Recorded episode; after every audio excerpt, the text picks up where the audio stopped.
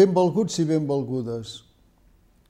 En el document dels bisbes de Catalunya que anem glossant avui ja fa set diumenges, es constata com el concili tarraconense ja posava en relleu la integració dels laics en les estructures de l'Església diocesana i precisava que calia que hi tinguessin responsabilitats directives, delegacions, secretariats i consells, i que hi representessin els grups amb tasques evangelitzadores com ara la catequesi o la caritat.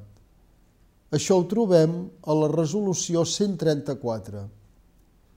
D'aleshores ençà, la participació de laics i laiques en responsabilitats diocesanes, com ara secretaries generals i delegacions, no ha parat de créixer. Amb tot, afirmem els bisbes, cal preguntar-se si aquests passos són suficients.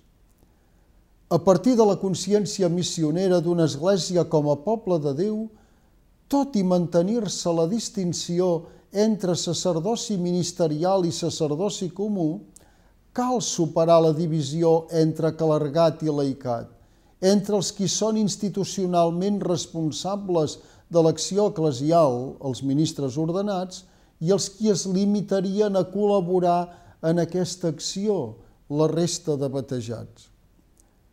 La missió és responsabilitat de tots i, per tant, els itineraris de l'acció eclesial han de portar el segell de la corresponsabilitat.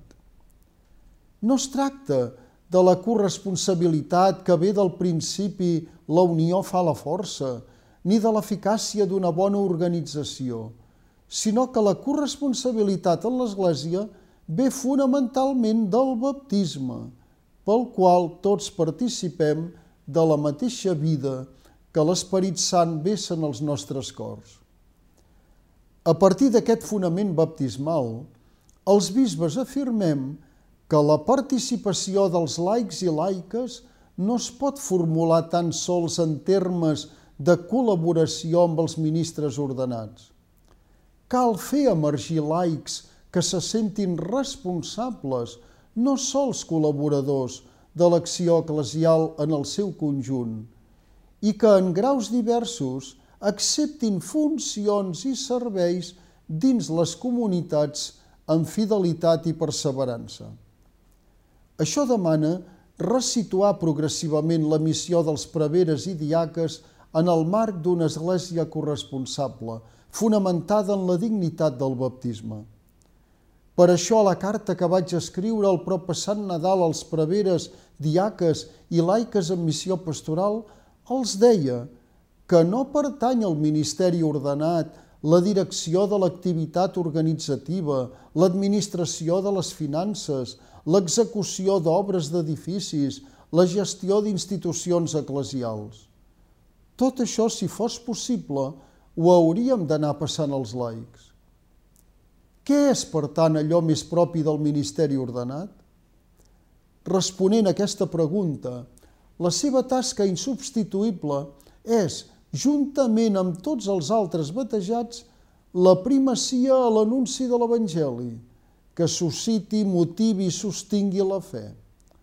En segon lloc, animar els diversos dons i carismes de la comunitat perquè creixi en la unitat, la qual s'expressa en la celebració sacramental, sobretot dominical.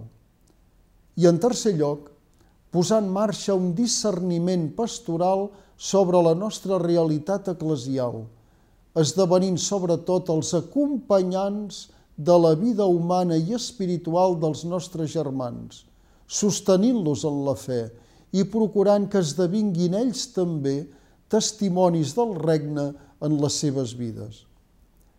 Preguem, per tant, que siguin molts els laics i laiques que ajudin a formar veritables equips pastorals en les nostres parròquies i comunitats. I a més, que els consells parroquials o interparroquials, arxiprestals i el mateix Consell Pastoral Diocesà que hem constituït fa poc esdevinguin la saba nova que necessita la nostra església de Tarragona. Adéu-siau i fins la setmana vinent, si Déu vol.